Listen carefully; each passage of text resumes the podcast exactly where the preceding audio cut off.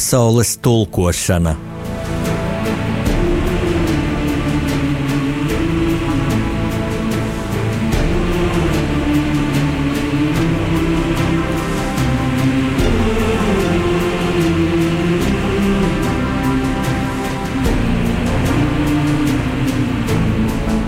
Studijā rakstnieks Jānis Udris.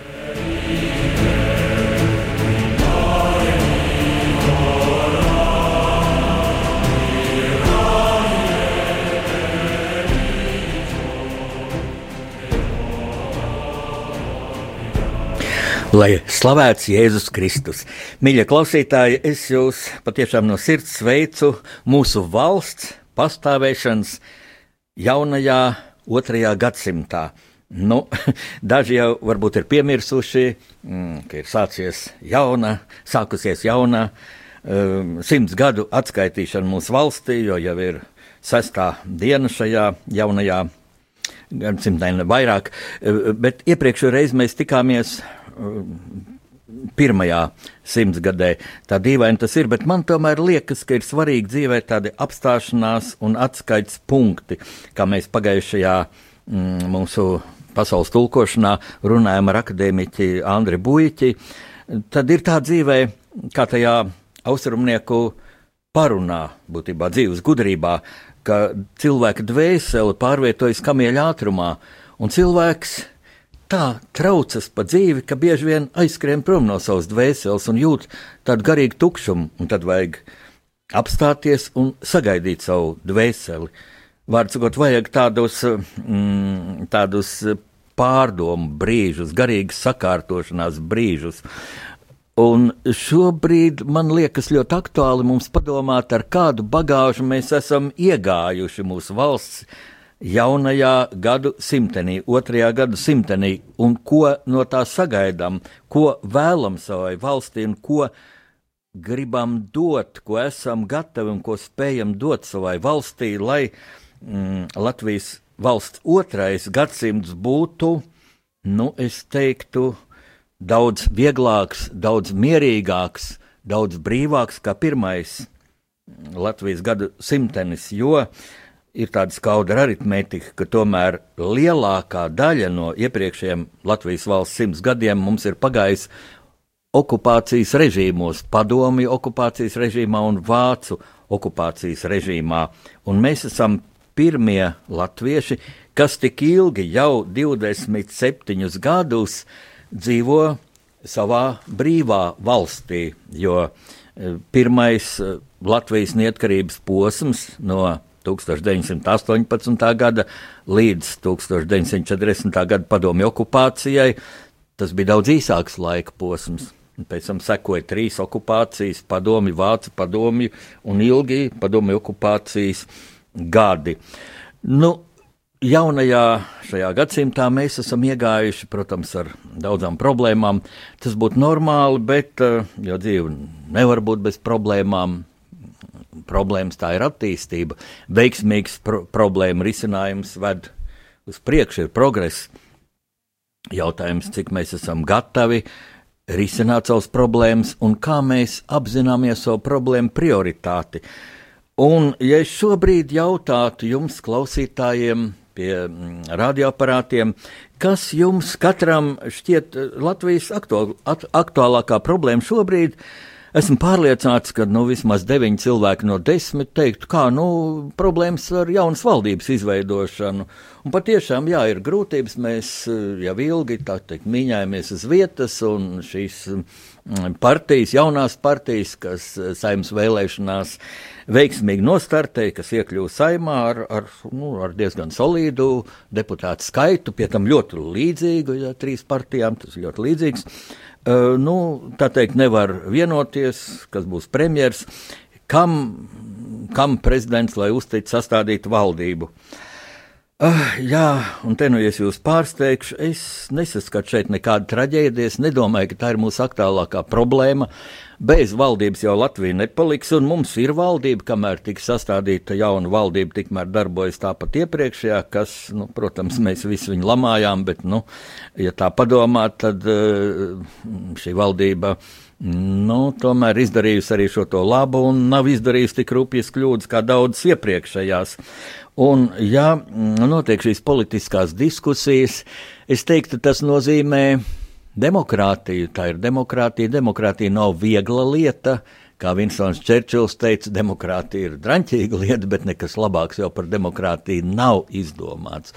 Nav izdomāts, un ja mēs esam savos neatkarības gados, atgūtās neatkarības gados pieredzējuši, ka ļoti ātri un bieži vien sabiedrībai pārsteidzošā veidā tiek sastādīta valdība, tas nozīmēs to, arī to, ka iepriekš kaut kādās aizkulisku spēlēs jau ir bijis izstrādāts scenārijs, kas tiek realizēts, nu, un šobrīd tāds acīm redzot nav. Es gan esmu dzirdējis, ka tā saka, nu, tas viss ir tur iepriekš iestudēts, šitie trīs, kas ar prezidentu runā, tā teikt, neies cauri, un tad, nu, tad, nu, parādīsies ceturtais. Bet, ziniet, tās ir tādas spekulācijas, nu, protams, ka parādīsies ceturtais, ja trīs neiet cauri, bet tas nebūtu nenozīmē, ka, ka viss ir sarunāts, tā kā nebūsim paši tādi, nu, politiski Nu, es pat neteiktu, ka tā, tā, tā apgalvot ir politisks naivums, es teiktu, tāds cinisms. Ja nebūsim ciniski pret savu valsti, un šeit es gribu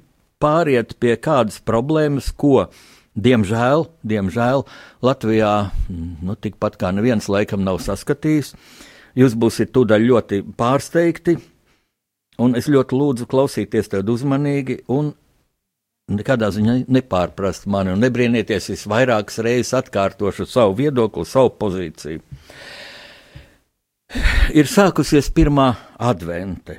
Pirmā advente, tātad, te es atkal gribu precizēt, notiek diskusijas, advents un adventi tiek lietot abi vārdi, nu, mm, kurš tad ir pareizais, nu, mēs liecamies teikt advente, pirmā advente, un kā šis vārds ir radies, tad latiņu valodā adventos nozīmē uh, atnākšanu. Mēs tātad gaidām atklā, atnākšanu, šī Ziemassvētku brīnuma atnākšanu, un mūsu izcilais valodnieks Enzelīns ieteica šo vārdu tulkot vīriešu dzimtē advents. Taču no nu, baznīcas lietas lietot sieviešu dzimtē advente, bet es domāju, nevajag nosodīt kādu vai, vai, vai briesmīgi lamāt, ja lieto arī otrādāk, ja acīm redzot šis jautājums vēl nav tā ļoti strikti un kategoriski noteikts, ka vajag tieši tā. Vispirms jau skolā to vajadzētu mācīt, bet skolās vispār. Mums izglītības programma ir ļoti tālu no baznīcas, no kristīgajām vērtībām. Kaut tāds ir pasaules kultūras pamatā. Un ne tā ir tā problēma, bet problēma ir ļoti pārsteidzoša. Vai jums patiešām nevienu nepārsteidza, ka pirmajā adventa dienā, pirmajā adventa svētdienā, Latvijā ir izkārti sēru karogi. Sēru karogi. Un daudz pat nezinu, kāpēc. Un e, tajā ieliņā, nelielā ielā, kur es dzīvoju, tur ir tā, ka tur dzīvo arī daudz nelatvieši. Un viņi tad sako, kad es izkaru karogu, un, un, un tad viņi to tu, tu daļu izkarja. Un tad viņi nesaprata, kāpēc es izkaru sēru karogu. Un Šis sēru karoks bija aizskar sakarā ar Saimas 1998. gada 17. jūnija lēmumu, ka katru gadu decembra pirmajā svētdienā tiek atzīmēts pret latviešu tautu vērstā totalitārā komunistiskā režīma genocīda upuru piemiņas diena tiek atzīmēta. Un tūdaļ es jums gribu teikt ļoti viennozīmīgi, ļoti nepatīkami nepārprotami, ļoti nediskutējami. Te nekādas diskusijas nedrīkst būt. Šī diena ir svēta, šī komunistiskā terora upuru piemiņa ir svēta. Mūsu pienākums ir atzīmēt šādu dienu un izkārt karogus. Problēma, par kuru es gribu runāt, ir pavisam cita. Tāds nu, ir pagājuši tātad 20 gadi kopš saima, sestā saima pieņēma šo lēmumu, eh, pieņēma atcaucoties sabiedrisko organizāciju lēmumam, un, eh, un es tūdaļ teikšu, tas liecina par paviršību, kā tiek pieņemti atbildīgi lēmumi, par politiskas domāšanas trūkumu, par tādu acīm redzot deputātu, nu, mm, ateistisku ievirzi, par viņu nu, absolūtu analfabētismu mm, kristīgās baznīcas lietās. Proti, runa ir par to, ka nevienam, acīm redzot, toreiz saimā neienāca prātā toreiziem deputātiem, ka 1. decembra pirmā svētdiena, pirmā adventa diena, sākas pirmais advents. Un tad jāpaskatās vēsturē, vai tā nebija alternatīva, jēdzīgāks uh, datums, jēdzīgāka diena, kad lūk, atzīmēt šo pret latviešu tautu vērstā padomju genocīda mm, upuru piemiņu. Un te dažas minūtes vēsturē, traģiskai mūsu nācijas vēsturē. Mēs esam pieraduši runāt par to, ka padomju okupācijas režīma terors pret latviešu tautu sākās 1940. gadā līdz ar padomju tanku ienākšanu. Tā tas ir. Ir fakti, ka cilvēkus pat vēl pirms šīm blēdīgajām tautas saimnes vēlēšanām, kurās it kā latviešu tauta brīvprātīgi atteicās no savas brīvības, esmu par to jau runājis, līdz brīdim, kad Latvijas tauta ar blēdīgiem lēmumiem it kā pat nobalsoja par vēlēšanos iestāties Padomju Savienībā, tad no brīvība, brīvība nomainīt uz verdzību un tā tālāk. Mm, Tālāk, 1941. gada 14. jūnija deportācijas un 49. gada deportācijas, un ne jau tikai tajās cieta latviešu tauta. Mēs to zinām. Mazāk mēs zinām par to, ka padome režīms vēl pirms tam vērsa ļoti asiņainas, nežēlīgas represijas pret tiem pārsimts tūkstošiem latviešu, kas dažādu apstākļu dēļ dzīvoja ārpus Latvijas, dzīvoja Padomju Savienībā. Un, mm, tie nebūtu nebija, kā dažiem liekas, visi kaut kādi komunistu režīmu pakaļskrējēji un tā tālāk.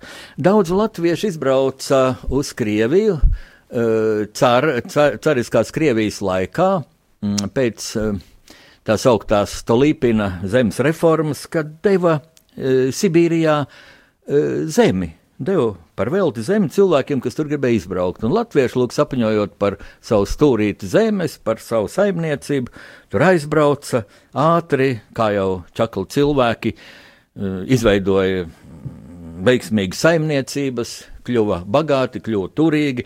Pēc uh, bolševiku apvērsuma daudz no viņiem tika, tā teikt, nu, mm, represēti kā kulaki, kā buržuļi un tā tālāk. Bet atkal Latvijas ar savu čaklumu dzīvoja, strādāja, izveidoja kolhozus, un es pats atmodas laikā, 1989. gada vasarā, kopā ar mm, Lielvārdas kori, toreiz Lielvārdai pastāvēja tāda ļoti bagāta agrofirma, Lāčplēsis, ko bija izveidojis leģendārais um, Edgars Kauliņš, izcils latviečs, es teiktu, patriots. Par to mēs kādreiz arī parunāsim, kā komunistu laikā, padomju okupācijas laikā, Latvijas varēja godprātīgi kalpot savai zemē. Lūk, tāds bija Edgars Kauliņš. No viņa sākumā viņš bija pagasta partorgs, un 49. gadā pirms šīm lielajām represijām, pirms šīs deportācijas, viņam, atbilstoši viņa amatam, lika sastādīt, tā teikt, izsūtāmo de, deportējumu cilvēku sarakstu. Un viņš teica, manā pagastā neviena tāda cilvēka nav. Ja kādu vajag sūtīt, sūtiet mani. Un tas ir cits stāsts, bet lūk, ar šo lielvārdu skori es viesojos Sibīrijā, mm, Krasnojārskas novadā, Eh, latviešu ciemos, kur vēl varēja sastapt kādu retu latvieti. Pārsvarā tie bija veci cilvēki, bija arī daži jauni, mm, vidējos gados, kas vēl runāja latviešu.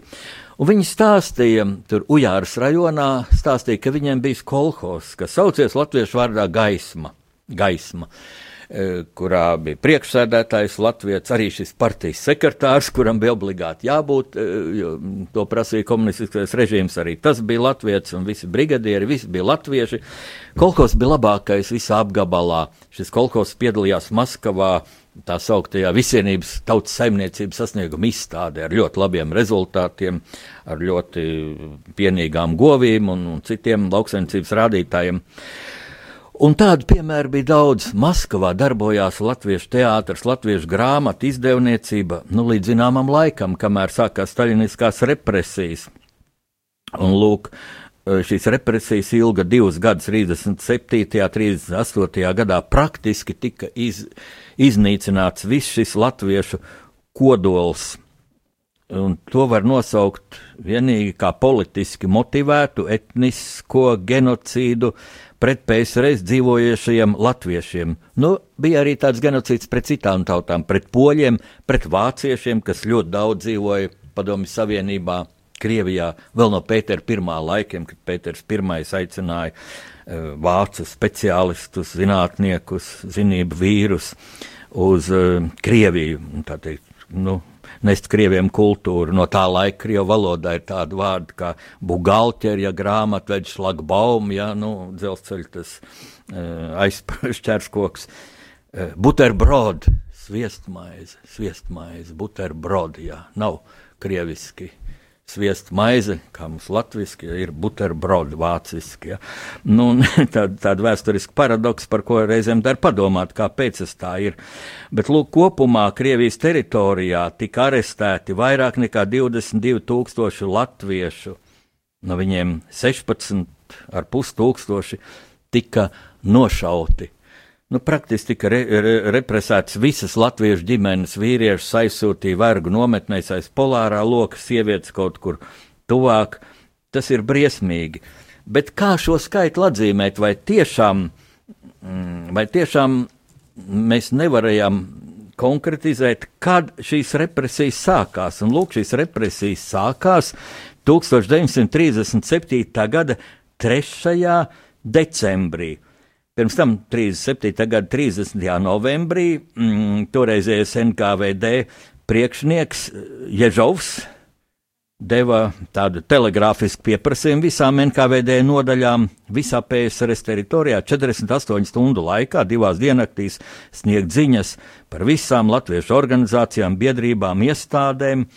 Bija jānorāda precīzi mm, latviešu koncentrēšanās punkti, kur ir tās vietas, kur latvieši tā teikt koncentrējas, un kā šī padomja apsūdzība skanēja, nodarbojas ar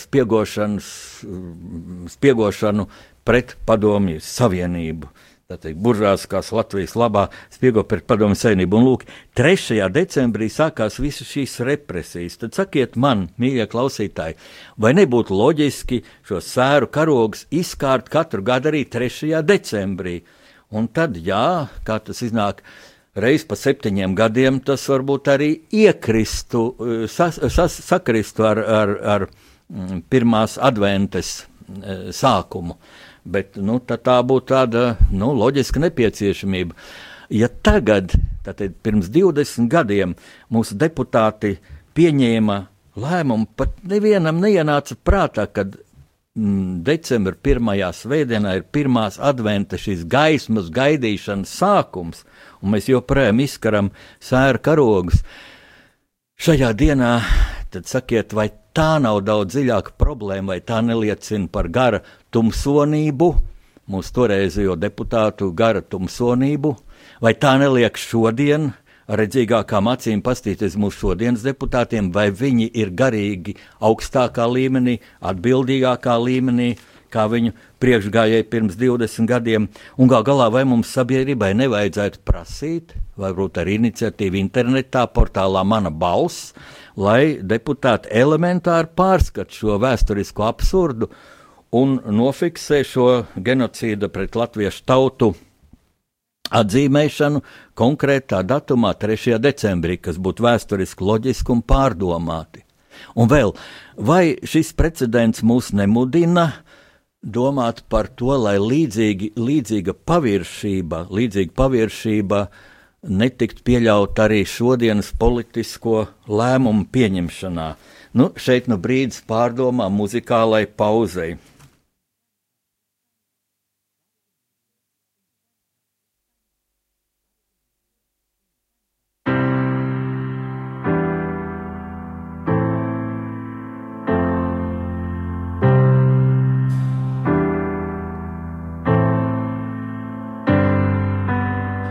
Sirds ir Latvijā, lūdzu, dod man spēku. Visur tevi Latvijā, dzirdu, jūtu, redzu, ka kad es būšu Latvijā. Dod man mūža mājas, visu mūžu Latvijā. Es uz tevi gāju, mana sirds ir Latvijā. Lūdzu, dod man spēku, visur tevi Latvijā. Dzirdu, jūtu, redzu kad es būšu Latvijā, dod man mūža mājas, visu mūžu Latvijā, es uz tevi gāju to, cik esmu lepns, ir grūti izteikt vārdiem. Mēs esam stipri tauta, jo tik daudz ko nācies pārciest. Sargājiet savus tuviniekus un turiet viņus cieši. Es gribu redzēt latviešus vairāk nekā jebkad iepriekš. Mūsu senči par šo zemi atdeva savu miesu. Pietiks kalpot citām tautām, brāļi, atgriežamies. Vai tavi senči ar tevi lepotos, nu tā patiesi? Ja nē, tad brauc atpakaļ un kopā iesim uz priekšu. Pietiks vainot kādu citu, mēs esam paši par sevi stipri. Beigsim lēti pārdoties un sāksim ražot lietas. Un to, kas notiek tur sēmā, par to mums jālūdz ir Dievs. Es nezinu, kā to risināt, bet es zinu vienu. Mana sirds ir Latvijā, lūdzu dod man spēku. Visur tevi Latvijā, dzirdu, jūtu, redzu, kad es būšu Latvijā. Dod man mūža mājas, visu mūžu Latvijā. Es uz tevi gāju, mana sirds ir Latvijā. Lūdzu, dod man spēku, visur tevi Latvijā. Dzirdu, jūtu, redzu, kad es būšu Latvijā. Dod man mūža mājas, visu mūžu Latvijā. Es uz tevi gāju. Nauda ir tikai līdzeklis, lai darītu, ko gribam. Miljons veidi, kā nomirt, miljons veidi, kā tikt pie miljona. Mēs atšķiramies tā kā diena pret nakti, bet spēles noteikumi vienmēr ir bijuši vien un tie paši. Mums ir jāpalīdz viens otram tikt uz priekšu.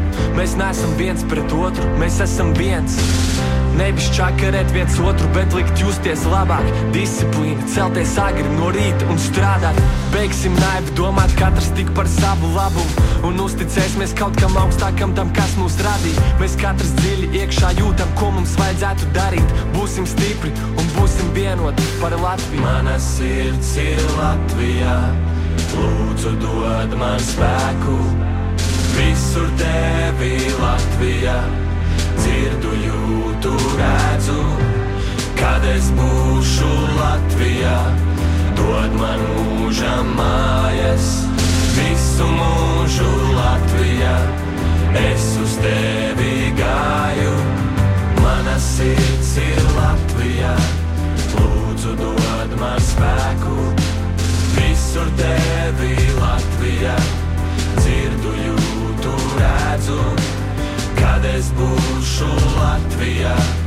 Dod man mūža mājas, visu mūžu Latvijā.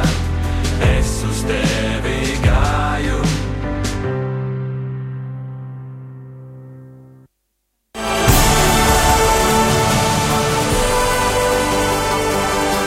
Pasaules tulkošana.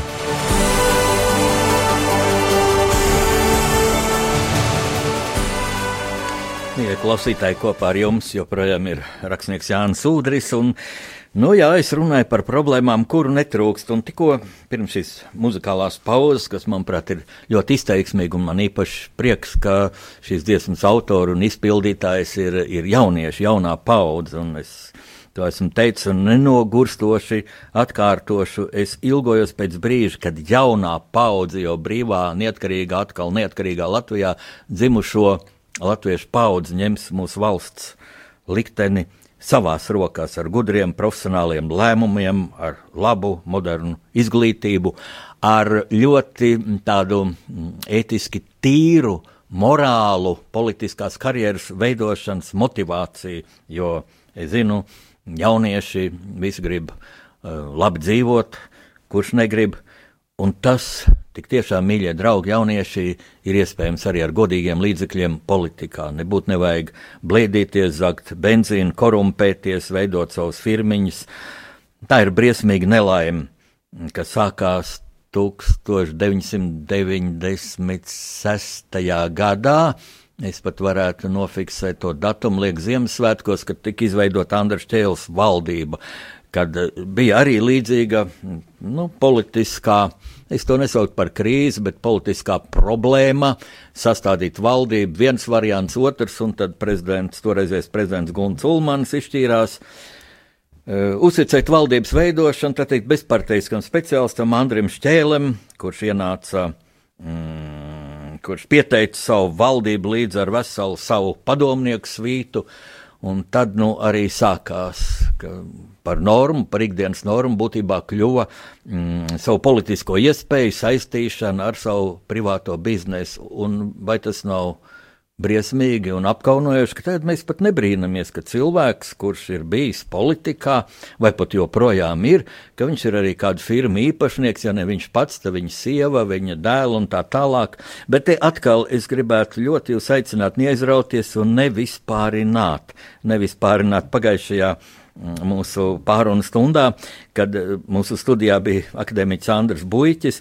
Mēs tieši vienam, vienas muzikālās pauzes starplaikā apmainījāmies domām ar Andru, un viņš eh, smējās, ka bijis tāds gadījums saimā, mm, nu, saimas aizkulisēs, kad kāds sašuts vēlētājs teica, visi saimas uh, deputāti ir zagļi un blēži, un tad kāds oponents ir teicis tā, vai tad uh, arī Andris Buļķis un Janina Kursīte, nu, nosaucu tikai divus, kas ir zinātnieki un kas ir ļoti godprātīgi cilvēki, to es jums varu galvot, un tad tas, ah, nē, šitie nē, un, un, un redzēt, tad jau tālāk ne jau tikai Buļķis un Kursīte ir uh, godīgi cilvēki, tur jau varētu nosaukt lielāko daļu deputātu, ja, bet, nu, ir tā, ka viens tas sapūšais grauds sabojā visu maisu, visu, visu, visu to priekšstatu par, par visu mūsu parlamentu, un tas ir ļoti skumji.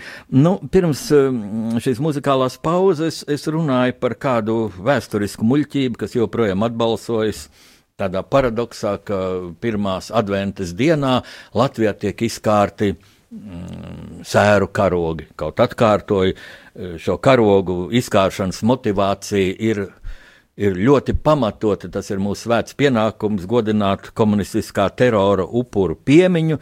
Runa ir par to, ka citā dienā, konkrētajā datumā, kad šis terors sākās, un tam ne, nebūtu nekāda piesaiste pirmās adventas sākumam. Šis terors sākās 37. gada 3. decembrī, un tā tad arī to vajadzētu atzīmēt. Konkrēti šogad tam vajadzēja notikt nevis svētdienā, bet pirmdienā vajadzēja būt šiem melniem sēru karogiem. Nu, viela pārdomām, cik ilgi mēs šo muļķību cie, cietīsim. Un galvenais, galvenais mans motīvs par to runāt ir, lai nepieļautu mm, muļķīgus politiskus lēmumus nākotnē. Un lūk, viens tāds politisks lēmums, kas tika tā kā ļoti klusi gatavots, un, un sabiedrība pat īsti joprojām nezina, par ko ir runa, un man vaicā, ir kāds dokuments, pret kuru uh, Es parakstījos 30. novembrī, parakstījos līdz ar uh, apmēram pussimts citiem latviešu inteliģentiem. Un man tiešām liekas, ievērības cienīgs ir šo parakstītāju mm, mm, vārdu saraksts. Visus nelasīšu, tikai dažus. Bet domāju, jums radīsies skaidrs, šo dokumentu inicijēja divi mm, cīnītāji pret padomju režīmu, kas ir cietuši no tā, bijuši represēti Jānis Roškalns, triju zvaigžņu ordeņa lielvirsnieks, nu un leģendārā Lidija Droņina. Lasmane, kuras vārdu visi labi zina. Tālāk Lutāņu baznīcas arhibīskaps Jānis Vanaks, tālāk Romas katoļu baznīcas kardināls Jānis Pujāts, mūsu operas un baleta teātra mm, vadītājs Zigmārs Liepiņš un tā tālāk un tā tālāk. Šeit ir arī virkne mm, citu garīdznieku, bīskaps Pāvils Brūvers, mācītājs do, doktors Guntis Kalme. Ļoti godprātīgi cilvēki, es uzskatu par savu godu mm, redzēt savu vārdu arī šo cilvēku sarakstā un pret ko mēs parakstījāmies. Mēs mēs iestājāmies pret apvienoto nāciju organizācijas vienošanos, kas saucas tā ļoti kā cildeni. Tagad klausieties eh, šo nosaukumu par globālo kompaktu. Kompaktu, nu, tātad tādu vienošanos dokumentu par drošu, sakārtotu un regulāru migrāciju.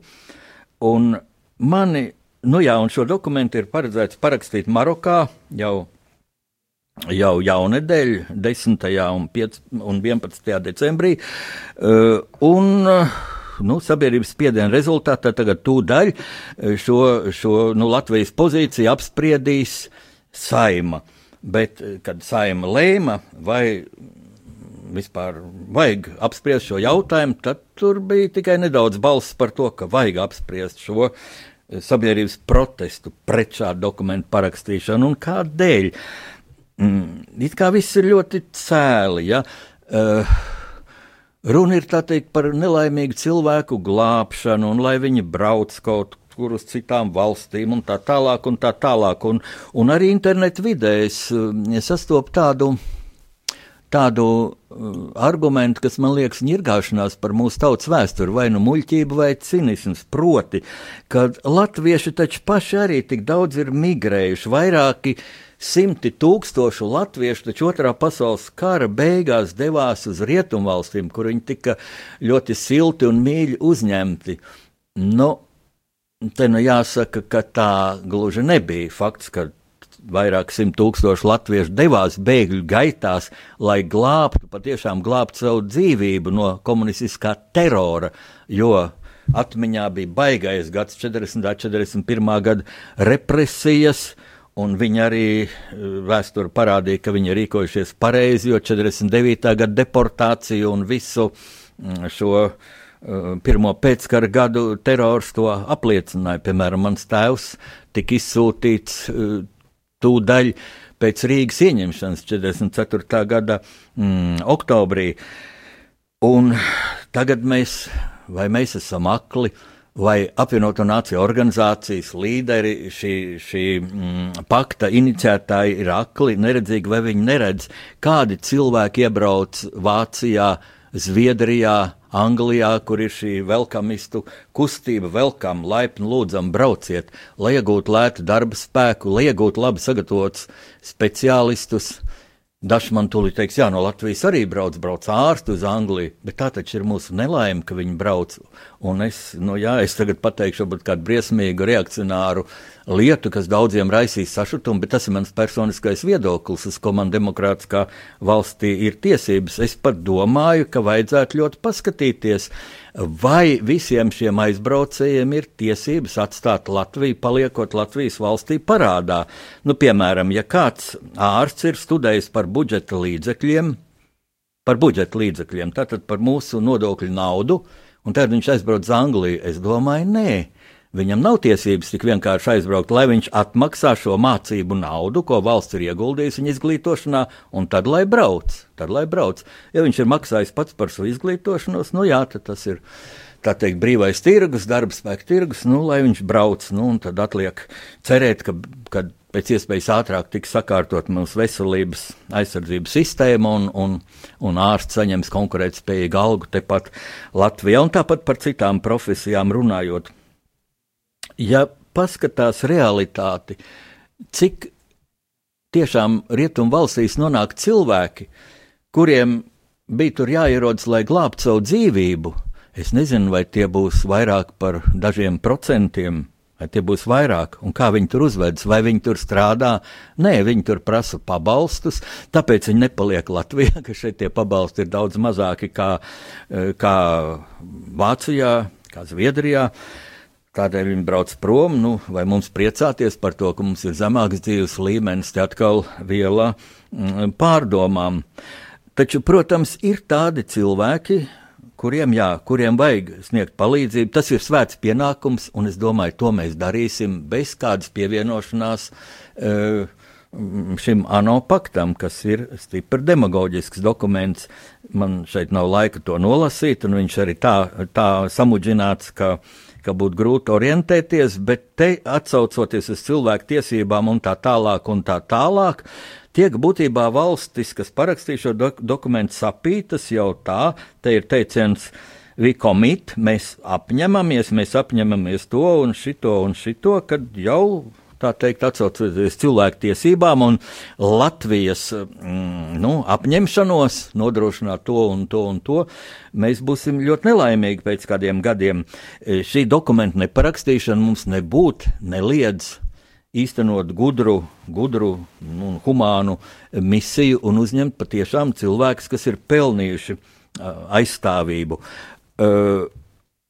Un šeit man jāatgādina ir mūsu mm, Katoļu baznīcas arhibīskaps Bigņevs Tankēviča viedoklis, kur viņš izteica kādā vēsturiskam notikumam, janvāra barikāžu gadskārtai, veltītā konferencē, kad uzdevu jautājumu par šiem bēgļiem. Es uzdevu jautājumu, un viņa ekscelents arhibīskaps Tankēvičs atbildēja tā, ka viņš uzskata, ka mums vajadzētu Latvijai, ka bija runa par tādām kvotām, cik katrai valstī vajadzētu uzņemt šos mm, bēgļus. Un, un, un, un Latvijai nu, tā kvota nebija nemaz tik briesmīgi liela, patiešām mēs varētu uzņemt, ja tie būtu cilvēki, ko mums liek uh, glābt kristiešu pienākums. Bet kā atšķirt aitas no uh, āvis no vilkiem? Kā, kā to atšķirt? Un lūk, uh, arhibīskaps Stankēvičs pateica ļoti viedu domu. Mums vajadzētu uzņemt Sīrijas kristiešus, jo kristieši citu reliģisko konfesiju vidū tur ir visvai, vismazākā un visvairāk diskriminētā e, kopiena cilvēku, kuri patiešām tiek fiziski iznīcināti. Un šeit mm, Es zinu, ka mm, tās valstis, caur kurām no, notiek šī migrantu plūsma, e, Grieķija, Itālija, viņi tur, kad mēģina kaut kā tikt skaidrībā par šiem cilvēkiem, kurš patiešām ir politiski vajāts, no kuras valsts viņš patiešām brauc. Šiem cilvēkiem lielam, lielai daļai nav nekādu dokumentu. Visi viņi apgalvo, ka tie dokumenti ir jūrā noslīkuši, jau pirmie soļi uz sauszemes viņiem sākas ar, ar meliem. Viņi lieto dažādas necilvēcīgas paņēmienas, piemēram, ceļus pāri mm, jūrai, piepūšamā gumijas laiviņā, un kad viņi dzen atpakaļ. Viņi izvelk nažus un, un rāda, ka to laiviņu pārdūrs, bet laiviņā ir bērni, un, protams, tad viņas ir jāuzņem uz kuģi un jāved krastā politiskā, kaut kāda morāla, cilvēciskā morāla, kaut kādas mums kristīgajā pasaulē uh, svarīgas vērtības tur absolūti neeksistē. Nu, lūk, tāda situācija, un kad viņas intervē Nu, uzdod ļoti primitīvs jautājums. Parāda kaut kādu trīs politiķu fotografijas, kurš ir tavs valsts prezidents, parāda kaut kādas karogas, kurš ir tavs valsts karogs. Bieži tur ir grūtības ar tulkošanu, jo cilvēki apgalvo, ka nemāk ne angliski, ne, ne franciski, ne vāciski, nu kaut kādā savas tur vietējās cilts valodā. Nu, kur tu dabūsi tulku? Ja? Un šeit es gribu teikt, ka noteikti kristieši, Sīrijas kristieši ir inteliģentāki, jo mūsu kristīgā mm, eh, kristietība jau paredz tādu gan dvēseles, gan grāmatu izglītību, vai tie būtu katoļi, mm, kurus tā šeit pārstāv mūsu radiostācija, Radio Marija Latvija, vai Lutāņi, vai Baptisti. Jūs taču neatradīsiet neizglītot cilvēku, un vispār Latvijā jūs neatradīsiet analfabētu. Tātad mēs saduramies ar pavisam citu pasauli. Pret kur jābūt ļoti gudriem, lai elementāri pasargātu nu, mūsu kristīgās pasaules vērtības. Un man ļoti šajā ANO uh, sagatavotajā dokumentā nu, tādu nu, nepatiku, es teiktu, riebumu, un, protams, aizdomas un piesardzību un nicinājumu izsauc tāds apgalvojums. Vairāk kārt šeit migrācija tiek nosaukta par viennozīmīgi pozitīvu parādību, kas veicina šeit citēju labklājību, inovācijas un ilgspējīgu attīstību. Nu, piedodiet, mēs padomju okupācijas gados esam pieredzējuši nekontrolētu migrāciju. Mēs zinām, kādu labklājību, kādas inovācijas un kādu ilgspējīgu attīstību tas mums nesa. Un, lūk, domājot par šādiem nu, absurdiem priekšlikumiem, kurus nu, es baidos, ka, ja nebūtu sabiedrība iejaukusies, ja nebūtu šī mūsu protestu vēstule, kur tagad atbalsta uh, ļoti daudz cilvēku man Facebookā, kur, kur šī vēstule ir izplatīta, daudzi eh, paziņas, draugi un arī sveši cilvēki raksta, ko darīt tālāk, ko darīt tālāk. Mēs arī gribam parakstīt. Nu, Es arī uzreiz tā nemācīju atbildēt, jo nebija iedziļinājušies šajā mehānismā. Es rakstīju Jānim Roškalnam, šim padomu laika brīvības cīnītājam, eh, kur es ļoti cienu par viņa ieguldījumu Latvijas neatkarības atjaunošanā. Eh, un aicināja viņu un izstrādā ieteikt nākamos ieteikumus, kā rīkoties. Pagaidām viņš iesaka e, dot savu parakstu, apstiprināt savu parakstu. Tātad internetu portālā mana balss. Ja? Nu, es baidos, ka šis process ir lēns. Es šeit ļoti gribu apelēt pie deputātu veselā saprāta, lai viņi neizdarītu tādu pašu muļķību, varbūt pat vēl briesmīgāku, kā viņu priekšgājēji Latvijas sastās saimnes deputāti izdarīja pirms 20 gadiem ar šo muļķību, ka mēs e, ievadām gaismas gaidīšanu, pirmo adventi ar šiem sēru karogiem. Un tad man ļoti domājot par šādu muļķību, patiešām muļķību par zemu, zema tāda, nu, valstiskās domāšanas līmeņa fenomēnu, skumju fenomēnu, kas pastāv Latvijā. Man ļoti gribējās izlasīt kādu saprāta balsi, kādu saprātīgu spriedumu. Un es tādu atradu jā, Zinātņu akadēmijas jaunākajās publikācijās, proti, mm, lūk, ievadot uh, rudens pilnsapulci. Šogad mūsu Zinātņu akadēmijas prezidents Ojārs Pārīts teica tādus zīmīgus vārdus nu, Zinātņu akadēmijas eh, pilnsapulce, tā ir ļoti prestiža, mm, tā ir ļoti prestiža sanākšana. Un viņš tur teica, ikvienai tautai, vai tā būtu Bībeles, jūdu tauta, eģiptiešu gūstā, vai mūsu tauta vācu, poļu, zviedru un krievu lielvaru atkarībā, trīs pamatvērtības ir palīdzējušas sev saglabāt un izdzīvot spaidu apstākļos. Tās ir sava zeme, vienādi just, domāt un strādāt radošu cilvēku kopums un valsts griba. Griba ir tas iracionālais un metafiziskais spēks, kas palīdz izciest mokas un pazemojumus. Griba liek celties un attīstīt tik viena indivīda spēkus kopīgam mērķim, un griba māca atjaunoties ģimenē, dzimtā un turpināties tautā vēl pēc simtiem mūžu. Lai šādu gribu stāvokli sasniegtu, bija jāpaiet daudziem gadsimtiem, Vēļu valstī bija jānokāpj daudzām paudzēm, atstājot mantojumā dzīvu domu par stipru tautu, kura tāda var kļūt tikai kopībā. Laiks un tautas griba parādīja, ka ik viena stipras un turpināties spējīgas kopības ideālā forma ir valsts, un tālāk. Mums ir sava zeme, sava valsts un savi likumi, sava izglītība un zinātne, savas ražošanas un kultūras attīstības programmas, kas tieši tāpat kā šo sasniegama aizsardzība prasa nepārtraukta valsts gribas un valstiskās apziņas stiprināšanu. Bet ar kādām metodēm, kādiem līdzekļiem tas veicams 21. gadsimtā, ar kādiem vārdiem ir uzrunājams sarežģītus izglītības un informācijas piekļāvus ceļus iztaigājošais mūsdienu cilvēks uz šiem un vēl citiem, ar laikmetu ātri mainīgo dabu un valsts pastāvēšanas eksistenciāliem jautājumiem, samērojamas atbildes ir jāmeklē un jāatrod katrai sabiedrībai.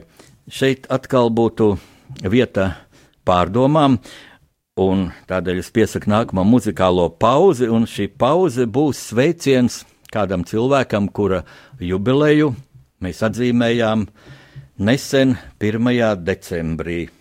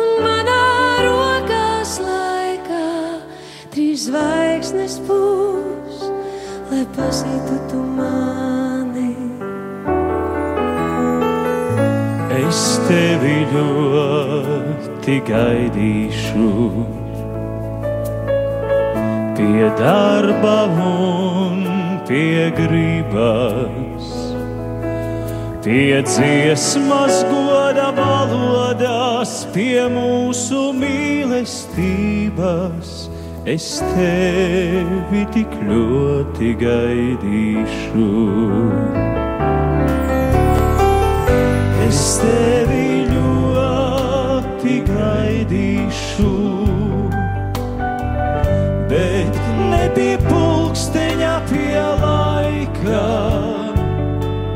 Pie debesīm es stāvēšu un manā rokās laikā trīs zvaigznes būs, lai pazītu tu mani. Trīs zvaigznes, zvaigznes, Trīs zvaigznes,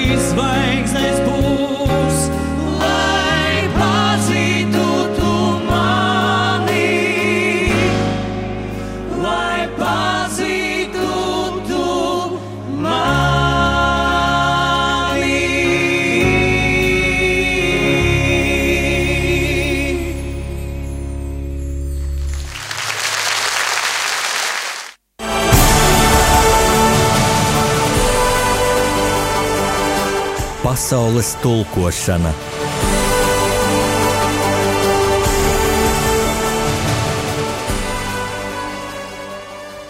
Mīļie klausītāji, kopā ar jums joprojām ir Jānis Udrs, rādījumā arī Latvija studijā. Nu, mūsu šīs dienas pārunu stunda tuvojas jau beigām. Jūs, protams, pēc šīs dziesmas sapratāt, ka tā ir veltīta mūsu.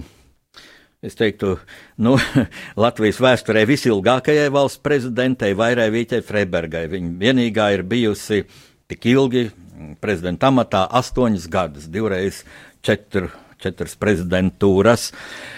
Es gribētu arī teikt, ka nu, mūsu atjaunotās Latvijas mm, visspilgtākā prezidenta, un te laikam gan šaubas nevarētu būt. E, Kaut arī e, internetu vidi, vidē, publiskajā telpā ir sastopama daudz dažādu apmelojumu, brīžiem pat tādas derdzīgas ķēngas par šo izcilo personību. Šeit es varu tikai atkārtot tēzi, es, kuru es paudu mm, šogad 3. maijā Latvijas Universitātē notikušajā zinātniskajā konferencē, kur man bija mm, uzticēts eh, referēt par Vairvīķu Freibergu. Konference bija veltīta prezidentūras lomai Latvijas valsts vēsturē, un man iekrita Nu, man tika uzticēts lūk, tieši referēt par šo prezidentu, kur es labi mm, atceros no savām žurnālistu gaitām. Kad pusotru gadu desmit strādāju valsts oficiālajā laikrakstā Latvijas vēstnesis, un tātad visi Vairsvīts Freibergas prezidentūras astoņi gadi iekrit šajā laikā, un man ir sagatavotas, tika sagatavotas tātad nu, astoņas, vairāk astoņas plašas intervijas. Mēs katru gadu beigās ap Ziemassvētkiem ierakstījām stundu garu tādu interviju par Latvijas aktuāl, aktuālākajām problēmām gan aizvadāmajā gadā, gan vēsturiskā e, perspektīvā. Tad ļoti dziļas atziņas, nu, un uz tādām, tādiem apmelojumiem dievām. Es e, varu atbildēt ar tēzi no mana referāta, ka mm, spilgtas personības neieredz tie, kas paši ir pelēcības, un baidās arī no spilgtām personībām pelēcības, jo spilgta personība izgaismo pelēcību. Tāpēc arī, protams, politiskajā vidē Vairvīķa Freiberga nemaz nebija tā mīlēta, cienīta un gribēta. Un tad nu, arī es izvirzīju tādas tēzes savā referātā, ka vai maz mūsu politiskā sistēma ir radīta tam, lai šajā augstākajā mūsu valsts nu, varas hierarhijā visaugstākajā amatā izvirzītu patiešām pašu spējīgāko, izglītotāko, pieredzējušāko, pašu šī augstā amata cienīgāko. Droši vien jau nē, jo tas, kas ir spējīgs, kas ir gudrs, prasīs augstvērtīgu atdevi mm, arī no citiem arī no citiem.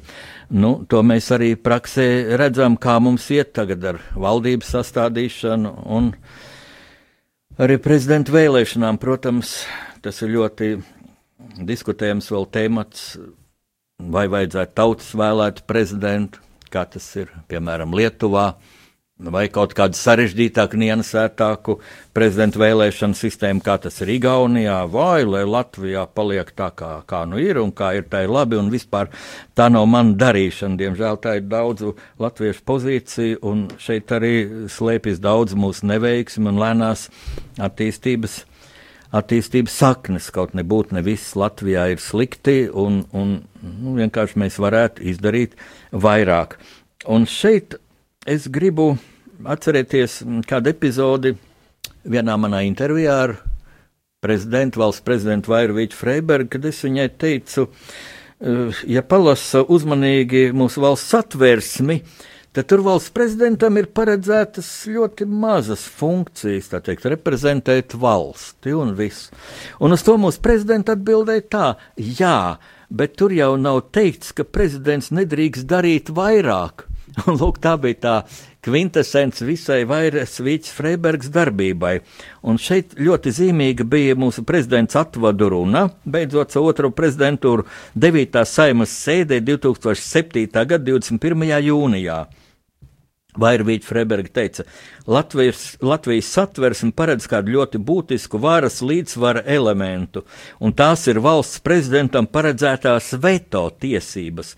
Jau vairāk kārt esmu atgādinājis, ka valsts prezidentam mūsu pašreizajā vēstures posmā ir bijusi senāta jeb augšpalātas loma, respektīvi iespēja saimnes pieņemtos likumus izvērtēt un pret tiem vajadzības gadījumā arī iebilst. Nu, lūk, tas ir ļoti būti, būtisks aspekts un atliek, atliek nu, novēlēt mūsu politiķiem vairāk tomēr iedziļināties mūsu pamatdokumentā, satversmē, sekotājiem pildītās principus. Un vēl e, prezidente savā atvadu runā teica, ir ļoti viegli sūdzēties, ka valstī nekas nav tā, kā to gribētos, kā vajadzētu, bet daudz grūtāk ir katram nākt ar savu labu gribu un atbildību, jo vairāk pilsoņu to pieņems un sapratīs, jo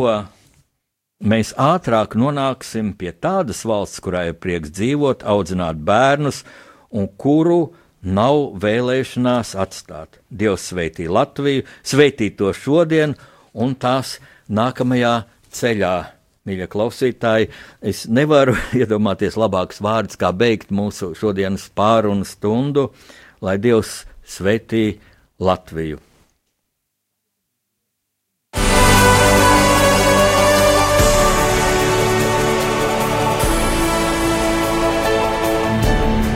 Pasaules tulkošana